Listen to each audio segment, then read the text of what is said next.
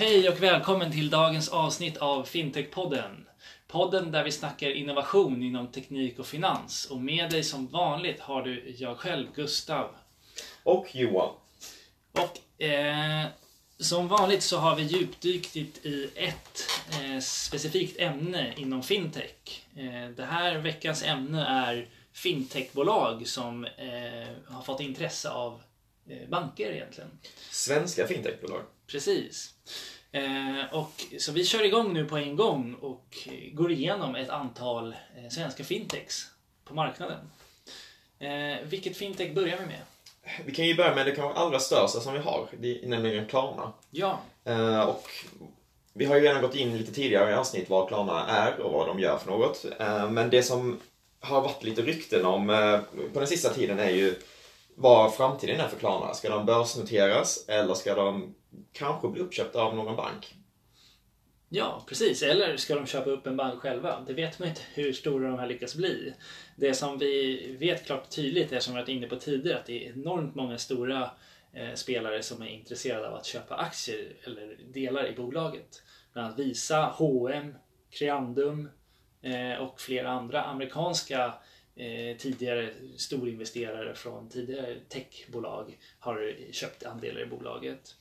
Och varför det här skulle vara intressant för en svensk storbank att köpa är ju nämligen den här användarupplevelsen de har lyckats skapa och den här tajta kontakten med slutanvändaren som Klarna verkligen har fått till. Precis, för de lockar ju verkligen varenda eh, så kallad millennial att använda sig av Klarna idag. Och Klarna, det har ju varit lite snack här om att de kommer gå ut med korttjänster och det går ju faktiskt för vissa personer att beställa deras kort idag. Så har jag eh, svårt att se varför, eh, att, eller jag ser väl en, en tid framför mig där alla millennials hellre skulle välja Klarna än någon annan bank idag. Så att de har ju verkligen, eh, om de lyckas bra nu framöver så har de verkligen en ljus framtid framför sig. Men om vi går vidare till ett annat företag som eh, har jobbat lite i det dolda, nämligen Trustly. Precis, och varför de jobbar i det dolda är egentligen därför att det är en service som vi eh, inte tänker på riktigt. Man märker inte riktigt att man använder den. Eh, det som kanske vanligaste sättet att använda den idag för vanliga människor inom bank och så, det är de som använder sig av Avanza. När man sätter in pengar där så använder man Trustly för att få in pengarna snabbt. Det som sker är egentligen att du sätter in pengar på ett konto. Det kommer att som vanligt ta ungefär en halv dag eller en bankdag innan pengarna kommer in på Avanza. Men vad Trustly då gör är att de går in och gör ett litet mikrolån och lånar ut pengar och tar betalt av Avanza. Du som kund betalar ingenting men det, den användarupplevelse du får är att pengarna kommer in på kontot direkt. Och det här är ju vad Trustly gör då. Och de, man kan ju säga att de, deras största kund eller marknad idag egentligen har hittills varit eh, inom spelindustrin och gaming och kasinospel online. Där de har underlättat för spelare att ta in och ut pengar snabbt. Framförallt sätta in pengar då kanske. Och de värderas ju, det ryktas om att de är eh, en, en unicorn, men det har inte gått ut publikt riktigt än vad värderingen är. Men i våras var ju här Nordic Capital köpte ungefär 70% av bolaget. Eh, och sen, det ska bli spännande att se vad de ska göra av den här tjänsten i framtiden. Ja, det är ju verkligen någonting som förhöjer smidigheten för existerande bankers kunder när de kan plötsligt börja skicka in pengar mellan banker snabbt, smidigt och enkelt. Eh, Men om vi går vidare och kollar på ett annat ganska stort företag, eh, nämligen Tink. Ja, Tink har ju då funnits i nu, vad är det, sex år tror jag. Ja. Och är ju en, en som jag säger, ett, ett databolag kan man säga. Dataanalys. Precis, analys av data med en bra eh, presentation av data. Något som verkligen har saknats tidigare från, hos de stora bankerna. Att man egentligen bara haft ett kontosaldo eh, och inte så mycket data. Eller liksom, då, den data vi menar här är då eh, transaktionshistorik, vad köper man, hur mycket sparar man, hur mycket lånar man, vilka typer av utgifter har man och så här. Och det är ju någonting som Tink verkligen har eh, gjort, lagt beslag på och presenterar snyggt och fint för och gör förståeligt för varje kund. Man kan ju egentligen dela upp Tink i två olika ben. Nämligen, de har ju en, app som privatpersoner kan använda sig av, men de erbjuder också en tjänst som de säljer till storbanker för att i princip eh, eh, leverera den här tjänsten som vi pratade om, en insamling av data som storbankerna sedan integrerar i sina egna appar. Precis, och där har vi då mm, både tror jag, mm, Nordea, SEB, Avanza, Nordnet har ju köpt andelar i bolaget och faktiskt flera av dem börjat liksom presentera eh, Tinks dataanalyslösningar inne i sina bankappar. Så SEB har ju redan börjat med det här. Och det som är fint då är att SEB kan presentera det här som om det är deras tjänst. Men det är Tink som gör den bakomliggande funktionaliteten. Mm. Då ska vi hoppa vidare till nästa bolag. Ja, eh, vi har ett annat bolag som heter Bofink. Eh, och vad de gör är ju att de har utvecklat en typ av algoritm som, eh, som hjälper dig som konsument att utvärdera om lånet du har, eller bolånet du har, är bra för din nuvarande ekonomiska situation. Om du ska ha rörlig ränta eller om du ska binda räntan. Och det här tjänsten hjälper då till att eh, helt enkelt utvärdera vad som skulle vara bäst för dig. Precis, de gör ju en, liksom en bedömning av helheten av dina lån, ditt lån eller bolån där, du, där de kollar på alla punkter och jämför det med marknaden, hur, det skulle kunna, hur ditt lån skulle kunna vara. Så får du en sorts helhetspoäng, ett betyg mellan 1 till 10 som säger om du om hur bra ditt bolån är. Och det baserar sig då till exempel på den ränta du har, hur mycket amortering du gör och så vidare. Och så vidare. Och sen jämför den det med den, de typer av eh, räntor och amortering som finns på marknaden. Mm. Så säg att du har en hög ränta och då får du en låg poäng på det. Har du en låg ränta, vilket är bra då, då får du en hög poäng och så blir din totalscore högre eller lägre. Mm. Och det de vill göra då är också att erbjuda eh, att länka vidare till olika bolån via sin app. Ja, och det började ju som en konsumentapp för eh, slutanvändaren. Men eh, bankerna har ju blivit väldigt intresserade av den här tekniken och faktiskt börjat eh, licensiera den för att kunna integrera den i sina egna bolåneplattformar. Så detta är ju också en teknik som bankerna, storbankerna kommer börja använda sig av för att de har sett vilket kundvärde det faktiskt ger. Ja, precis. Men hoppar vi vidare till nästa fintech så har vi en bolag som är väldigt intressant som heter Enkla. Som sysslar med att förenkla och förbättra bolåneutgivningsprocessen. Där man helt enkelt vill digitalisera hela användarupplevelsen i samband med att man tar ett lån. Ja, Ehm, och det de gör är att de skulle då erbjuda bolån som sagt, men på ett lite annorlunda sätt. Nämligen de ska inte finansiera bolånen som de traditionella storbankerna gör genom att låna av varandra eller låna via statsräntan och så vidare. Utan de riktar ju sig in sig på att få in pengarna på... Från pensionslösningar. Och eh, det här är ju någonting som de har tittat på i en marknad som är väldigt lik den svenska marknaden, nämligen den nederländska marknaden, eller holländska ma- bostadsmarknaden. Där, jag kommer inte ihåg vad, vad siffran är, men om det är så här 20-30% av marknaden, lån, marknadens bolån lånas ut på det här sättet med att ta pengar från pensionsfonder. Alltså privata organisationer som investerar i de här typerna av bolån kan man säga.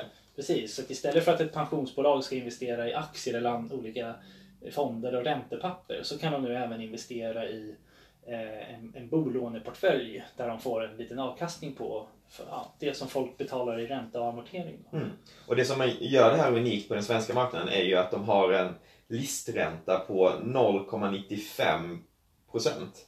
Vilket är förhållandevis lågt i dagsläget. Då genomsnittet på marknaden ligger väl kanske på 1,5-1,6 procent om man kollar på storbankerna. Så det är väldigt mycket lägre än storbankerna men de har ju också haft lite problem med att få till den här typen av finansiering. För det, i och med att det är så nytt i Sverige så har det inte funnits tidigare. Men det ska bli väldigt spännande att se hur det kommer att utvecklas. Ja, men vi hoppar vidare till nästa bolag som är Instantor. Mm. Det är ett bolag som då har förbättrat den här kreditprövningsprocessen. I, I Sverige har vi länge haft företaget UC som gör den här kreditbedömningen som i princip alla banker har använt sig av. Men då har Instantor kommit upp som en utmanare och eh, använder sig mer av kunddata och med hjälp av AI då analyserar vad som skulle vara en passande kreditnivå för kunden.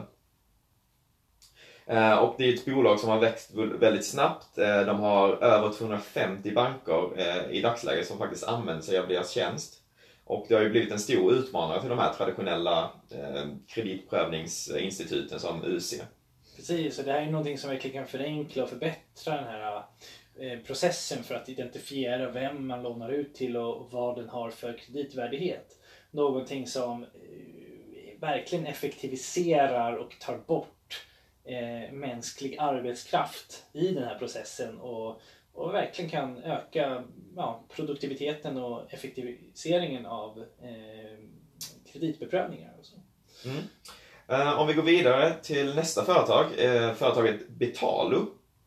Det företaget Betalo faktiskt gör är ju att eh, om man har en utmanarbank i dagsläget till exempel så kan man inte genomföra alla de här vanliga banktjänsterna som man är van vid, som man har hos en storbank. Bland annat betala räkningar via autogiro och e-fakturor och så vidare.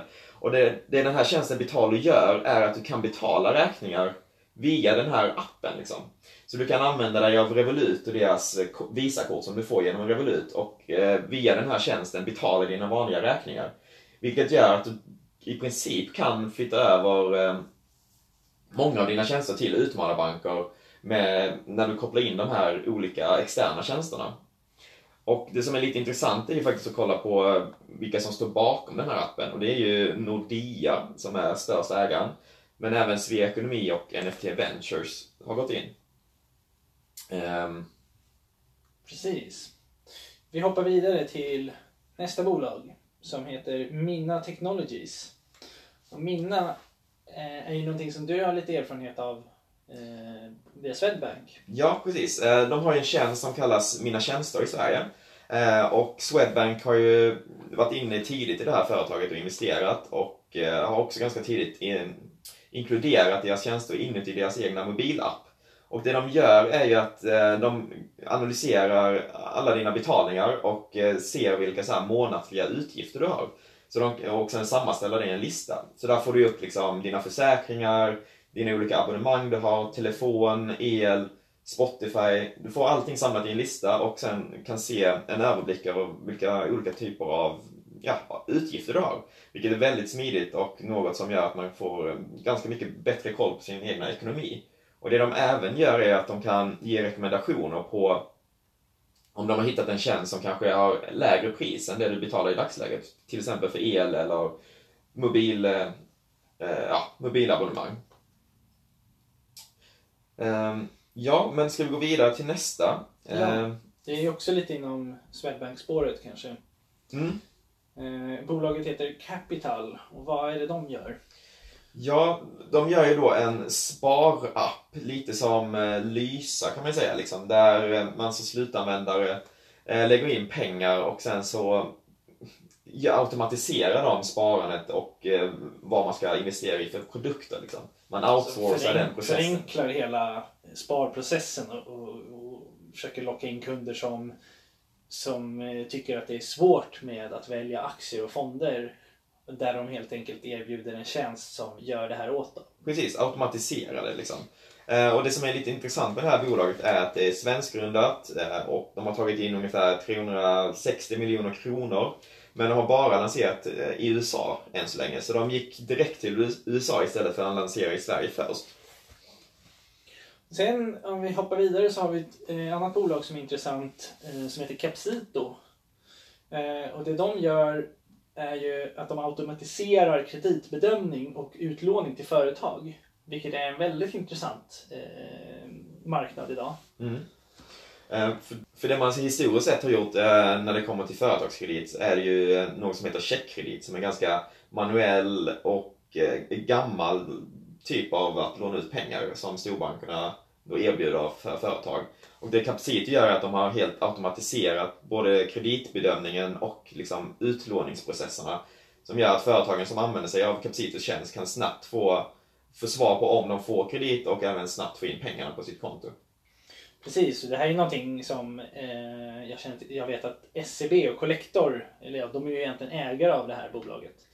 Eh, och det är någonting som, gör, som är väldigt intressant att kombinera med en väldigt bra användarupplevelse. Där man kan börja ge ut nya typer av lån i, både företagslån och privatlån och så i, i ganska bra eh, sammanhang i, när företaget eller kunden behöver lånet så är, eh, har man de kap kapabiliteterna att kunna veta när eh, slutanvändaren behöver ett lån. Ehm, men ja, vi hoppar vidare eh, och tittar på bolaget Sigma Stocks. Mm. Som, eh, som är grundat, eller ägarna är Lena Apler från Collector och Stena Finans. Eh, men det är väl två tjejer som har grundat det här. Ja, två tjejer från Chalmers som skrev ett, en, masteruppsats inom då automatiserad aktiehandelsrådgivning kan man inte säga. Lite inne på det här kapitalspåret som vi pratade tidigare om. Eh, Men det är ett helt eh, svenskt bolag som är aktivt i Sverige och de har ju redan idag samarbetsavtal med Nordnet, Nordea, Skandiabanken och jag tror även Danske Bank nyligen tecknat ett avtal med dem. Precis, och det här är ju verkligen en trend som vi ser är glödhet just nu där det finns massor med olika typer av lösningar för det här automatiserandet och förenklandet av sparande. Ja. Eh, där vi har andra aktörer där både Avanza och Nordnet gör sina egna sådana här lösningar. Där Fundler gör en lösning. Där, där det finns många som vill in på den här marknaden och förenkla för eh, ja, människor som egentligen inte är så intresserade av aktier och fonder och sparande. Men de vill ändå spara. Mm. Och då kan eh, en sån här tjänster göra det väldigt enkelt för dem. Mm. Vi, ska, vi, men ska vi ta avrunda dagens avsnitt? Jajamän, det gör vi. Eh, vi har varit inne på en rad fintechs här idag som vi tycker är några av de mest intressanta på marknaden. Ja, och inte bara eh, i Sverige utan många av de här är ju väldigt internationella och aktiva i många länder. Eh, framförallt i Europa men även utanför som sagt. Ja, eh, vi hoppas att ni har tyckt det här varit precis lika intressant som vi tycker att det här är. Eh, och vi kan nog tänka oss att vilja följa upp det här eh, avsnittet någon gång i framtiden med eh, se hur det har gått för alla de här startupsen. För även fast det är väldigt intressant så är det ju en enorm utmaning att, att ge sig in på en ny marknad så här. Så att eh, ja, inom något år så ska vi försöka göra en uppdatering med hur det går för de här bolagen. Precis. Men vi tackar så jättemycket för att ni har lyssnat det här avsnittet och vi säger på återseende nästa vecka. Mhm. Ciao, ciao! Ciao!